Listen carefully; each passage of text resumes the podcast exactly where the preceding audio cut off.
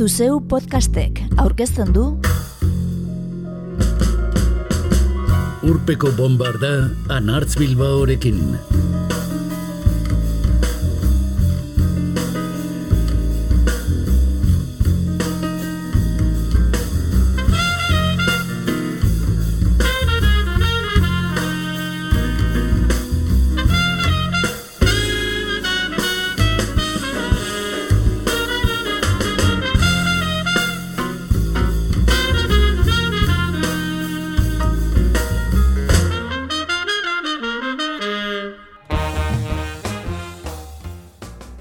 Urpeko bombardan gaur Grateful Death taldea izango dugu izpide. Irurogeiko amarkadan sortutako talde Kaliforniarrak urte oparoa izan zuen mila bederatzireun de irurogeita marra. Bilan luze bikain argitaratu baitzituen bospase hilabeteko aldearekin, urte berean. Working Man Death eta American Beauty maixulanak aipatutako lanek mende erdia bete beharri dutela eta berargitalpen zainduak atontzen dabiltza orain udan argitaratzeko asmoz. Eta bilan hori esek, Working Man Death eta American Beauty izango ditugu entzungai gaurko saio monografikoan.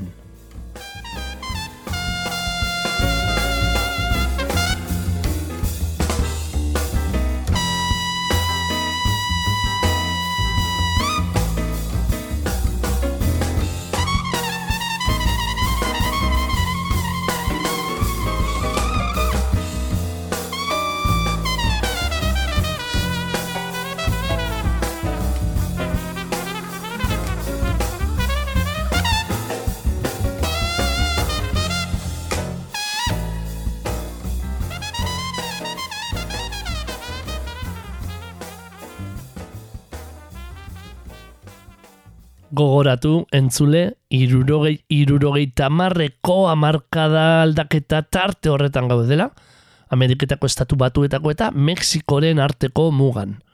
Zerua urdin urdin dago, alen gizbergek olerkiak irakurtzen dizkie inguruan dituen tximaluzedun gazteei. Loreak ilian eta jantzi koloretsuak soinean dituztela, adi dituen entzulei. Irratietan, jo eta zuari dira Jefferson Airplane, The Doors, Jimi Hendrix, Bob Dylan eta The Rolling Stones. Baita Grateful Death ere nola ez. Mila bederatzi dunde irurogeita bostean sortu zen Grateful Death estatu batuetako Kalifornia eguzkitzuan, Palo Alton. Eta bete-betean bizi izan zuen taldeak hippie garaia eta maitasunaren uda, mila bederatzi dunde irurogeita zazpikoa. Aztapenetan taldearen musikak asko zuen psikodeliatik zuzeneko tarte improvisatu luze eta guzti. Grateful ditek jo zuen Monterreiko bilera sonatuan baita guztokeko basatzan ere. Jerry García gitarra jolea ardatz zutela, rock, folk, bluegrass, blues, country eta are jasa ere jotzeko gaizen taldeak hiru amarkada iraun zituen holtzetan. Beren jarraitzaile salduari dit heads deitzen zitzaien. Grateful Death taldeak mila bederatzerun da laro ama bosteko ustailaren bederatzean jo zuen azken kontzertua Chicagon. Hilabete geroago desegin zen taldea, Jerry Garziaren eriotzarekin batera. Eta taldekideak errepidean jarraitzen duten arren, zuzenekoetan jotzen dituzte Grateful Deathen kantuak jakina. Ez dute eman komunean zuten taldearen izena erabiltzen ordea.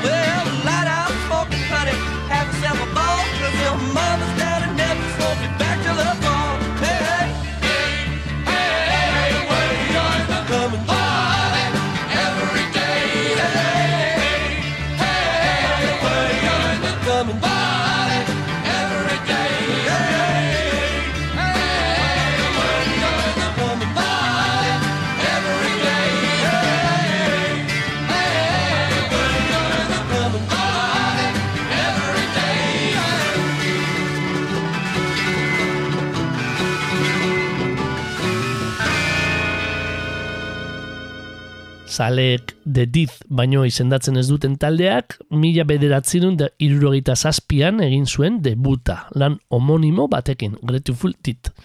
Diskoko lehen kantua da The Golden Road entzun berri duguna, eta neurri batean The Beatlesen eta garai hartako antzeko soinua gogorarazi diguna. Gainontzean saioan entzungo ditugunekin alderatuta oso ezberdina.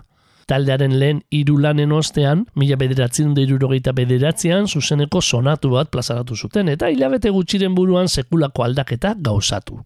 Ordura arteko psikodeli alde batera utzita, Grateful Dead taldearen laugarren lan luzean, Working Man's Dead, Amerikar rock eta blues sustraietara jo zuten. Asko zemaitza akustikoagoa emanez. Casey Jones kasurako. Casey Jones, antza, tren makinista estatu batuar bat zen. Oegarren mende hasieran Mississippi istripu batean hila, eta bidaiariak bizirik irten zitezen egindako aleginengatik eroitzat hartua. Hori dela kauza, mila bederatzen da bian, Wallace Saundersek idatzitako balada baten protagonista ere bada. Guk entzungo dugun kantuan ordea, Robert Hunterrek idatzi eta Jerry Gartzia kondua, kokaina marra bat sudurreratzen abiatzen da. Hobe duzu trenaren abiadura zaintzea, eskatzen diote Casey Jonesi.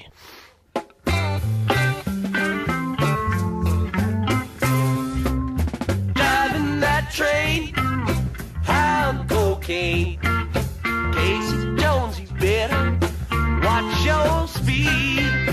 Trouble ahead, trouble behind. And know that notion just crossed my mind.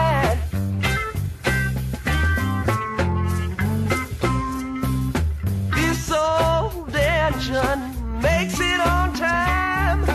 Leaves Central Station about a quarter to nine. It's Rebel Junction at 17 to at a quarter to 10. You know it's traveling again. Driving that train, I'm cocaine. Casey Jones, better watch your speed. Trouble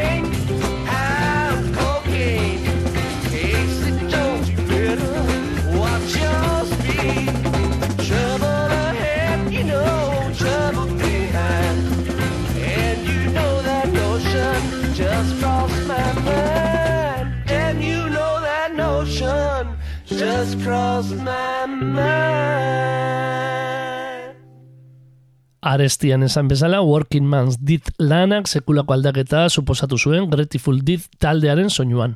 Azalean bertan ere erraz antzeman daitekeen aldaketa. Aurreko lanena koloretsuak eta psikodelikoak ziren bitartean, azken ausomoksoa adibidez, honetan monokromatikoa da azala, gorri hori apalean emana. Jarraian entzungo dugun Cumberland Blues kantuan, West Coast Rock eta Blues aireak somatzen dira, eta geroago entzungo dugun Dire Wolf berriz, slide gitarrak nabarmentzen dituen country fineko kantua da. Diskoa mila bederatzen da irurogeita amarreko otzailean grabatu zuten amarregunez Pacific High Recordings estudioetan, San Franciscon. Ordura artekoak grabatzeko denbora luze eman zuten estudioan eta garestiak suertatu ziren oso. Diotenez, irurogeita bederatziko udazkenan egin zuten birako etekinak aurreko diskoen grabaketetan estudioarekin egindako zorrak kitatzeko erabili behar izan zituzten. Gainera, taldea ordura arte manaierra zuten Lenny Hartekin apurtu berria zen. Eta droga kontu batzuk medio epaiketa baten zain zeuden musikariak. Kartzela zigor gogorrak eskatzen zituzten beraien kontra. Baldintza guzti horiek kontutan izan da lanak grabatu ahal izatea arrakastatzat arzitekeela esango zuen handik urte askotara Jerry Garziak.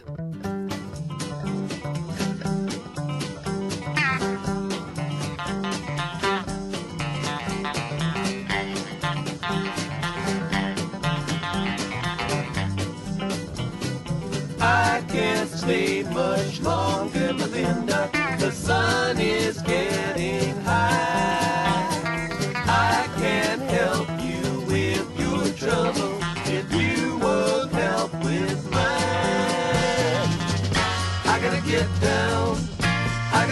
down. Gotta get down to the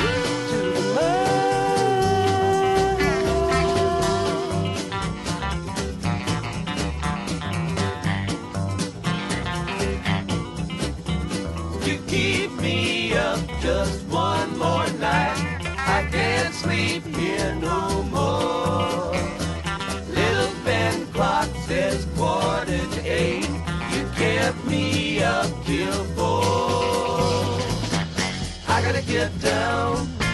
Gotta get down.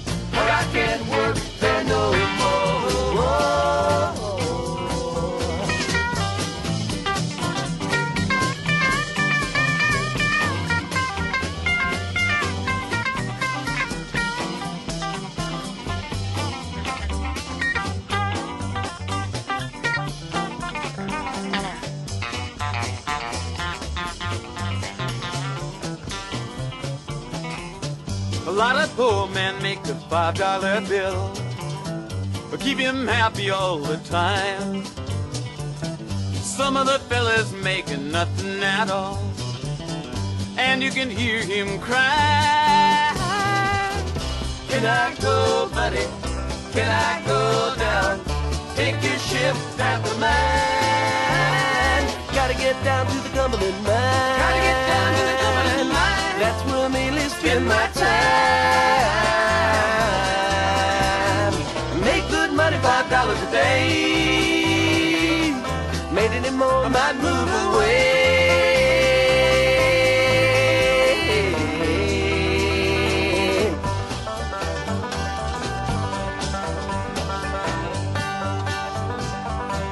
A lot of poor man got the Cumberland blues. He can't win for losing. A lot of poor man got to walk the line just to pay his union dues. I don't know now, I just don't know if I'm going back again. I don't know now, I just don't know if I'm going back again.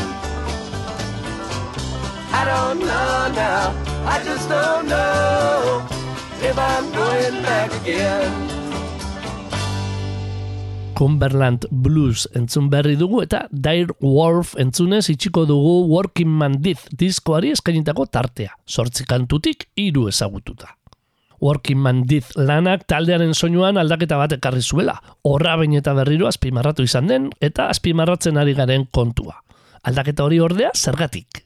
Mike Hart taldekideak adieraz izan du inoiz, mila bederatzireun deirurogeita sortzeko udan Steven Stillsek bere etxaldean igaro zituela oporrak. Lagunak baitziren. Crosby, Stills and Nash taldeko kidea zen Steven Nils. Gerora, Neil Youngekin laukote bihurtuko zena. Crosby, Still, Nash and Young. Bueno, irukotearen astapenetan, berak esan omen ziren, Grateful Dizeko kidei, improvisazioak sokoratu eta hotzak zaintzen zituztela gehien. Eta horrela adierazi zuen Jerry Garziak ere.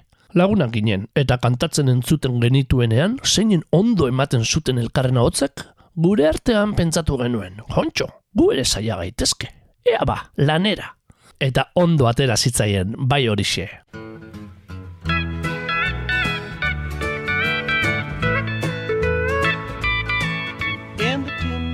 Up in Ario, the wolves are running round. Winter was so hard and cold, froze ten feet beneath the ground. Don't murder me. I beg of you, don't murder me. Please don't murder me. I sat down to my supper, was a bottle of red whiskey. Said my prayers and went to bed. That's the last they saw of me. Don't murder me. I beg of you, don't murder me. Please don't murder me. When I awoke, the dire wolf, 600 pounds of sin was grinning at my window. All I said was, Come on in, but don't murder me. I beg of you, don't murder me. Please don't murder me. The wolf came in, I got my cards. We sat down for a game. I cut my deck to the queen of spades, but the cards were all the same. Don't murder me. I beg of you, don't murder me. Please don't murder me. Don't murder me.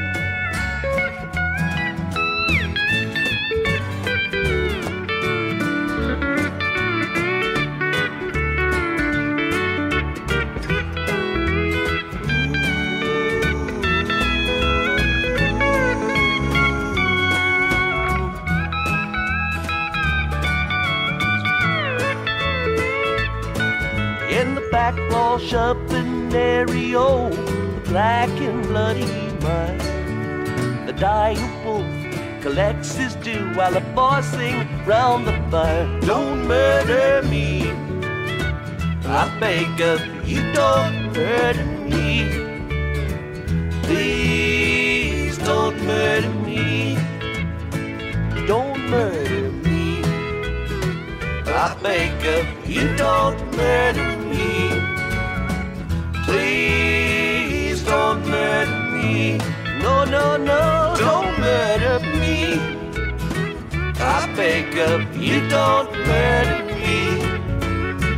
Please don't murder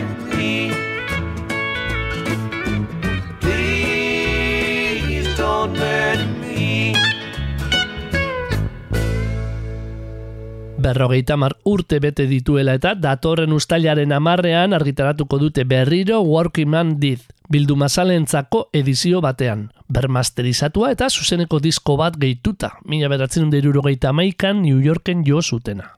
Zalek beti esan izan dute, Grateful Deaden estudioko lanak ez direla taldearen zuzeneko soinura gerturatu ere egiten, eta makina bat zuzeneko argitaratu izan ditu taldeak. Lehen esan dizugun legez, entzule, Working Man Did plazaratu eta bospase hilabetera urtea bukatu baino lehen American Beauty argitaratu zuten. Taldeak abiatu berria zuen folk rock hildotik jarraitzen zuen lana. Honek ere aurki izango omen du berrargitalpena. Lan bikoitz bakarra ere egin zezaketen, Working Man Did eta American Beauty diskoek gordetzen dituzten kantuekin, jarraian entzunal izango duzuenez. American Beauty amar kantuz osatua dago eta guk hiru entzungo ditugu jarraian. Friend of the Devilekin Asita, de Abruaren Laguna.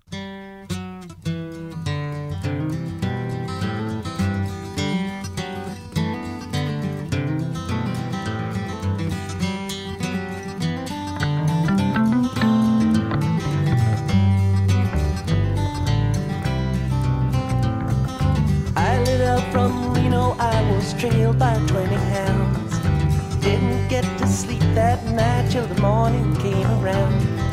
Set out run, but I take my time. A friend of the devil is a friend of mine. I get home before daylight, just might get some sleep tonight. Ran into the devil, baby, loaned me 20 bills. Spent the night in Utah in a cave up in the hills.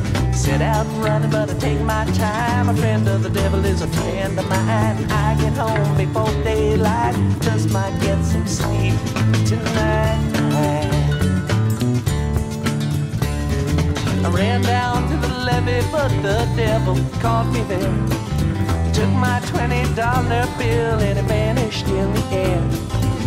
Out running, but take my time. A friend of the devil is a friend of mine. I get home before daylight, just might get some sleep tonight. Got two reasons why I cry away each lonely night. The first one's named Sweet Anne Marie, and she's my heart's delight. Second one is prison baby, the sheriff's on my trail. And if he catches up with me, I'll spend my life in jail. Got a wife in Chino, baby, and one in Cherokee. First one says she got my child, but it don't look like me. Set out running, but I take my time. A friend of the devil is a friend of mine. I get home before daylight, just might get some sleep tonight.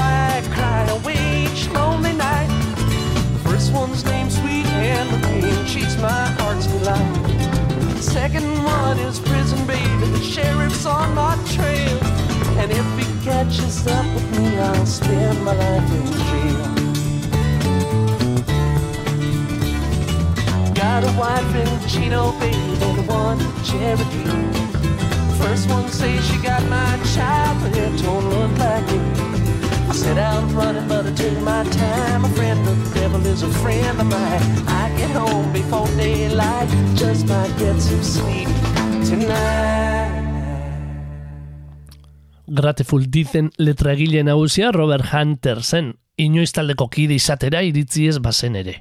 Eta horrelaxe deitzen omen zion berak lagun mina zuen Jerry Garziari, detizeko buruari, Friend of the Devil.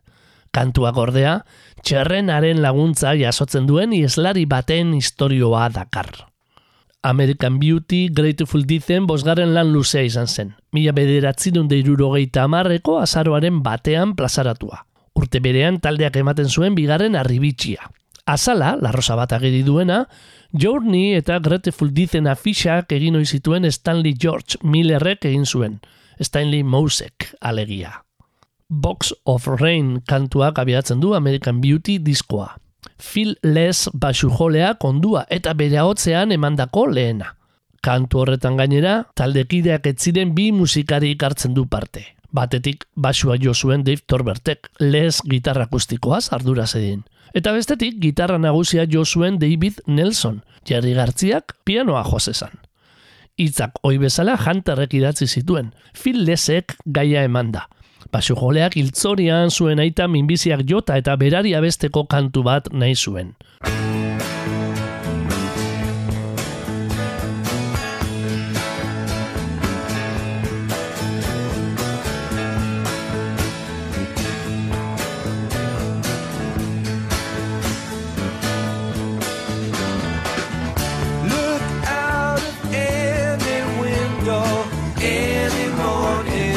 Any evening, any day.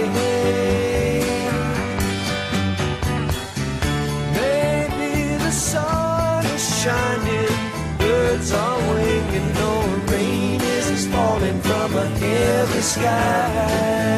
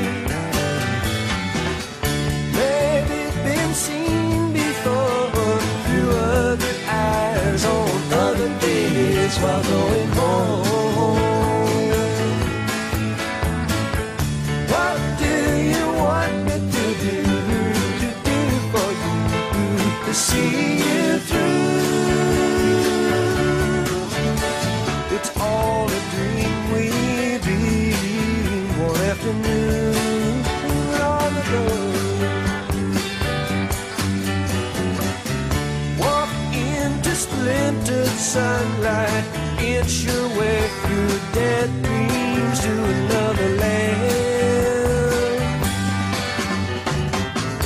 Maybe you're tired and broken. Your tongue is twisted with words half spoken and thoughts unclear.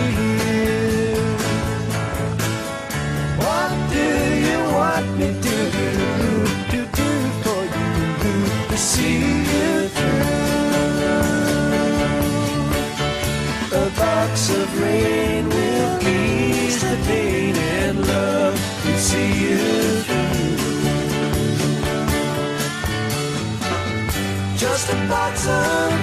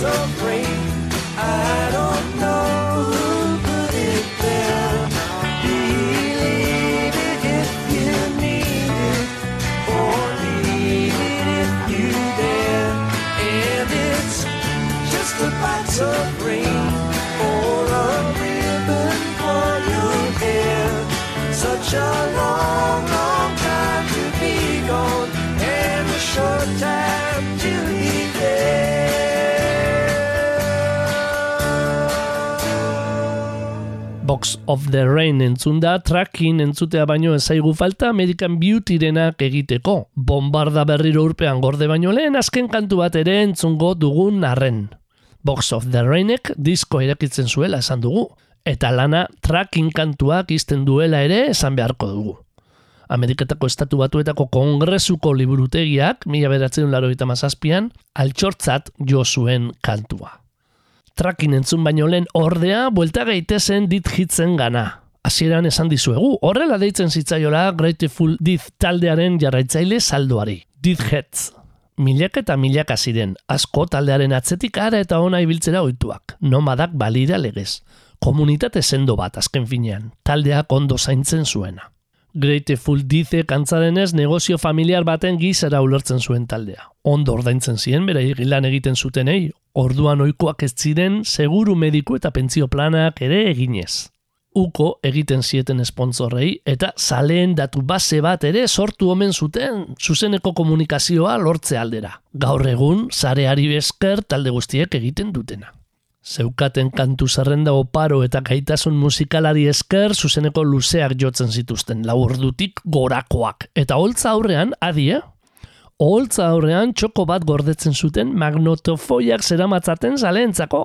Hau da, debekatu beharrean kontzertuak grabatzeko baimena ematen zieten. Jakin bazekitelako kasete horien trukaketak elikatuko zuela beren bueltan sortua zen komunitatea. Pentsa, Sam Hill eta Glenn Riffikek marketing radikal liburuan Grateful Death taldearen negozio modeloa da aztertzen diren amarretako bat.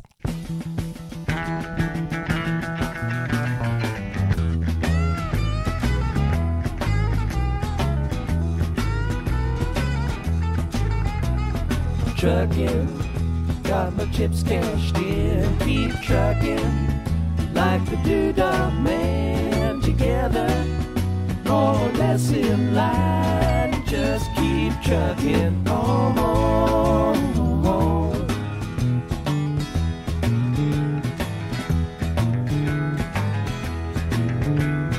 Arrows of neon and flashing marquees out on Main Street. Chicago, New York, Detroit, and it's all on the same street. A typical city involved in a typical daydream.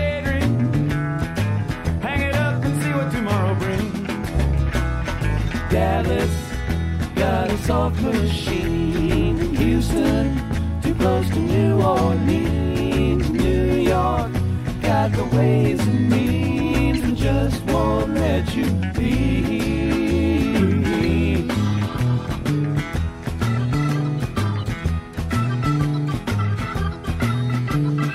Most of the cats that you meet on the streets speak of true love. Most of the time they're sitting and crying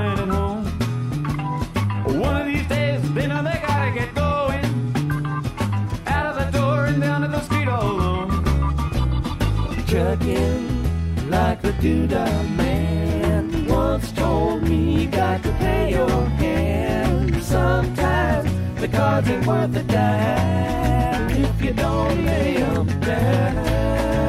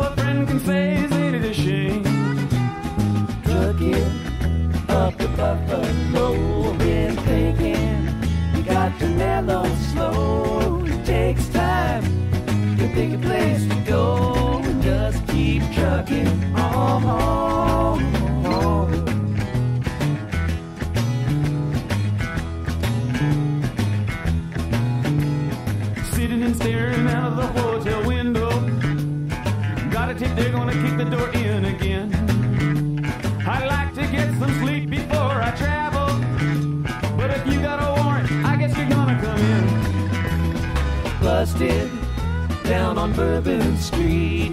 Sit up like a bowling pin. Knocked down, it gets to wearing thin. It just won't let you be.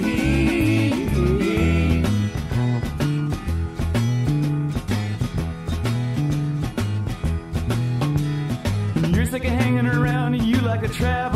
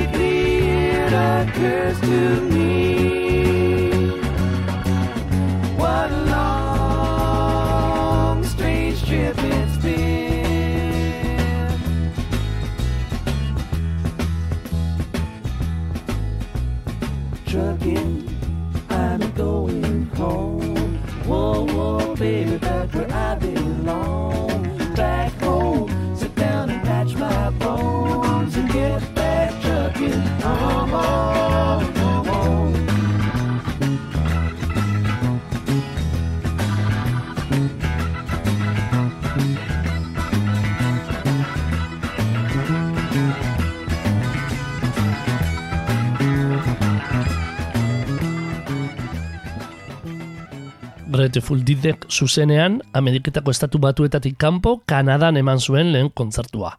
Irurogeiko hamarkada bukaeran. Mila bederatzerun da irurogeita amabian, taldeak itxasontzian zeharkatu zuen Ozeano Atlantikoa. Gero Europan zehar bira egiteko karabana handi batean ara eta ona. Mila bederatzerun da irurogeita mazortzian, Egiptoko piramideen magalean jotzera ere iritzi ziren. Euskal Herria ordea ez zuten sekula zapaldu. Urbilen Bartzelonan jo zuten mila bederatzerun da larogeita batean. Larogeita marreko amarkadan taldearen ibilbidearen bukaeran, Ameriketako estatu batuetan kasik irurun milioi egin zituzten txarteldegian, The Rolling Stones taldeak baino gainditu ez zuen kopurua. Eta azkenetan ziren. Taldeko prentza buru izandako Dennis McNallyk Grateful Death taldeari buruzko liburu bat idatzi zuen. 2006an Ediciones del Azar argitaletxeak gazteleraz eman zuena. Un extraño y largo viaje. Guk irakurtzeke duguna. Grateful Death talde buru zuen Jerry Garziaren eriotzarekin batera bukatu zen, mila bederatzireun da larogeita mabostean. Estudioko azken lana, larogeita bederatziko Built to Last dute, eta lanari zenburua ematen dion kantua entzune sagurtuko dugu gaurko saio luzea. Eskerroneko eriotzari eskainia.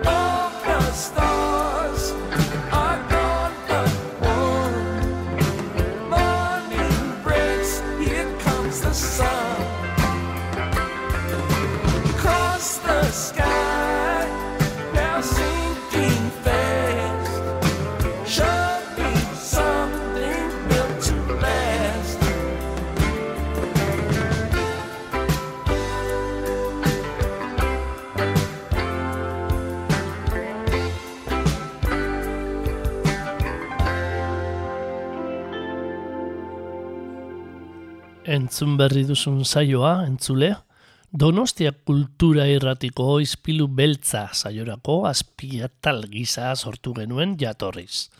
2008ko itxialdian edo. Eta orain berreskuratzea otu zaigu.